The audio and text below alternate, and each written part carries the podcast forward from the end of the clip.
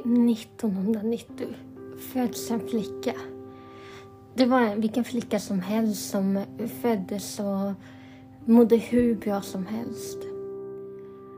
Hon föddes med två föräldrar, en mamma och en pappa. Och senare skulle det visa sig att hon får två syskon. Syskonen är bara något år emellan dem, så de blir jämngamla och bra kompisar. 1995 så får den här flickan reda på att hon har en tarmsjukdom. Hon får också reda på senare att hon får problem med levern och behöver transplanteras.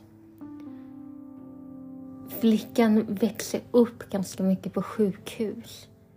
Och hon är rädd för alla dessa operationer, alla dessa undersökningar. Hon har alltid mamma med sig. Hon känner sig trygg med mamman. Men hon är rädd för varje gång det ska hända någonting. Så varenda gång hon åker för att ta blodprov eller varenda gång hon besöker sjukhuset för någon annan ligger där så blir hon rädd.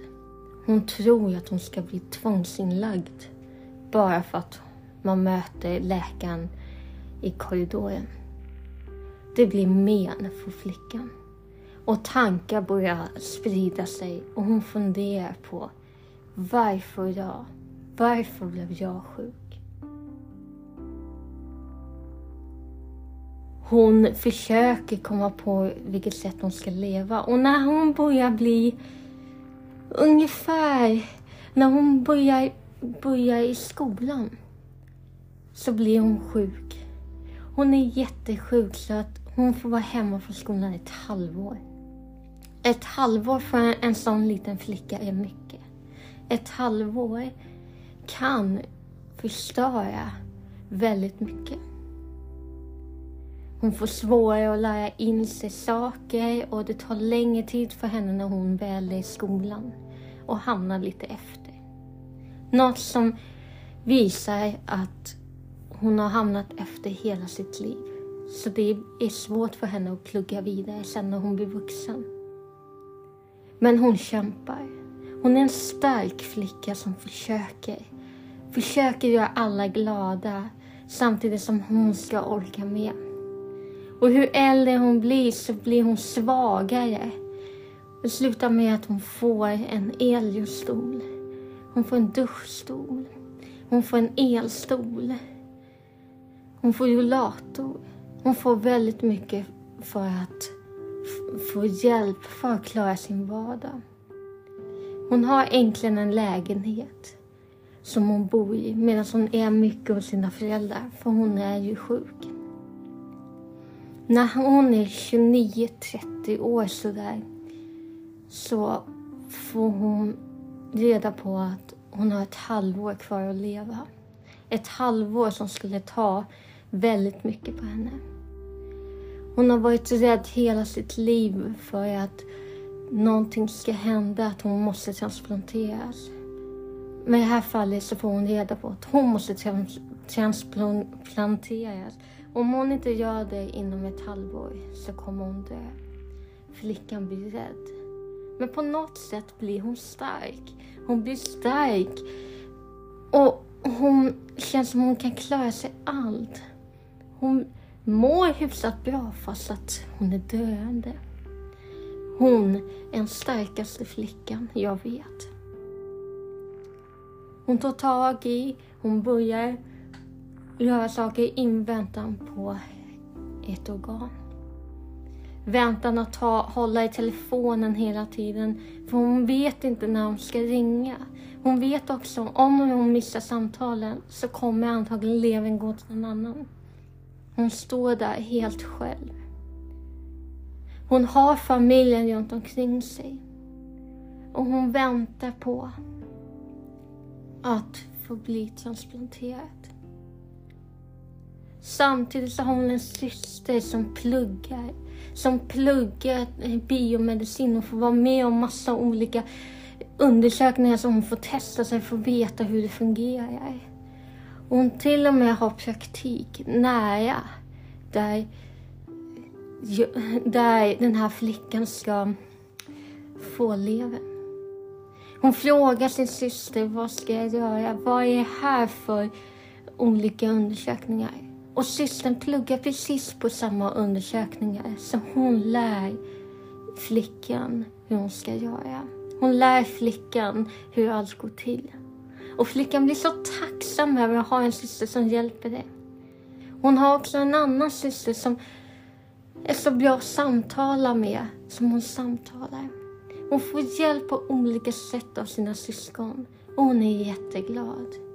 Hon bara känner mer och mer vad hon älskar dem. Under den här tiden så vet inte flickan om hon kommer överleva, om det kommer bli en transplantation. Om hon får en transplantation så vet hon inte om hon kommer överleva ändå genom själva operationen. Så flickan sätter sig ner och skriver ett avskedsbrev. Ett avskedsbrev till sina syskon. Ett avskedsbrev som också nämner sina svågrar i det. Ifall hon inte får se sina syskon igen så vill hon ha sagt något. Hon börjar också tänka på sin begravning, vad som hon ska ha på begravningen. Hon tänker och funderar och tänker att jag ska skriva ner på en lapp. Även om, jag, även om hon inte liksom går in för det helt. Så vill hon skriva på en lapp. Så att det blir nedskrivet någonstans. Telefonen ringer. Den ringer, hon, hon råkar stänga av telefonen och hon missar samtalet. Hon bara skriker nej, jag måste ha det här samtalet nu. Jag måste få tag på dem. Men eh, sjukhuset förstår att hon bara råkar klicka bort. Så de ringer igen och hon får samtalet. Hon bor hos sin mamma och pappa just då. Och hon svarar. Och hon berättar att du ska få din lever nu. Och eftersom jag skulle få det lite senare på eh, eftermiddagen så fick hon ändå äta en frukost. Han säger i telefon, Paulina. Han säger i telefon, du får lyxa till det med frukost. Och jag bara tackar. Hon går ner till sin mamma och springer ner och säger, min lever har kommit. Mamman blir glad och har av sig till jobbet och säger jag kan inte komma in idag. Det är en fantastisk upplevelse. Hon åker in, hon får vänta. Tiden går och går, får slå om en tid, sen blir det inte den tiden, som lovar en tid till och det blir inte, men till slut får hon åka ner. Och den här flickan blir så glad. Hon får komplikationer som blir väldigt, väldigt jobbiga. Hon får inre blödningar och läkaren vet inte vad hon ska göra. Eller vad de ska göra. Läkarna pratar med varandra, försöker göra några till operationer för att lösa blödningen. Men hon tror på en Gud. En Gud som kan hela. Hon tror på en Gud. En Gud som kan göra det bästa. Hon tror på en Gud som kan göra allt, flytta berg och göra det omöjliga till möjligt. Och det var det som gjorde när församlingen för henne bad, bad för henne under tiden hon var hos transplantationen, så hände någonting. Och hon mår bra. Operationen var jobbig, men hon kommer hem. Hon kommer hem till sina syskon. Hon kommer hem till eh, sin mamma och pappa. Och med tiden går så återhämtar hon sig mer och mer. Den där lilla flickan blev stor. Den där lilla flickan blev stark. Stark av Gud. Den där lilla flickan, det är jag. Det är jag som har den här podcasten. Och jag vet att Gud kan göra stora grejer. Det här är bara en historia av alla historier jag har. Den lilla flickan blev stark. Och när jag kollar på mig själv så kan jag bli ledsen att få se vad jag har gått igenom. Men samtidigt kan jag bara se mig och säga vilken stark liten flicka hon var. mig själv. Vilken stark flicka som står där och klarat igenom så mycket från fem år. Det är inte klokt.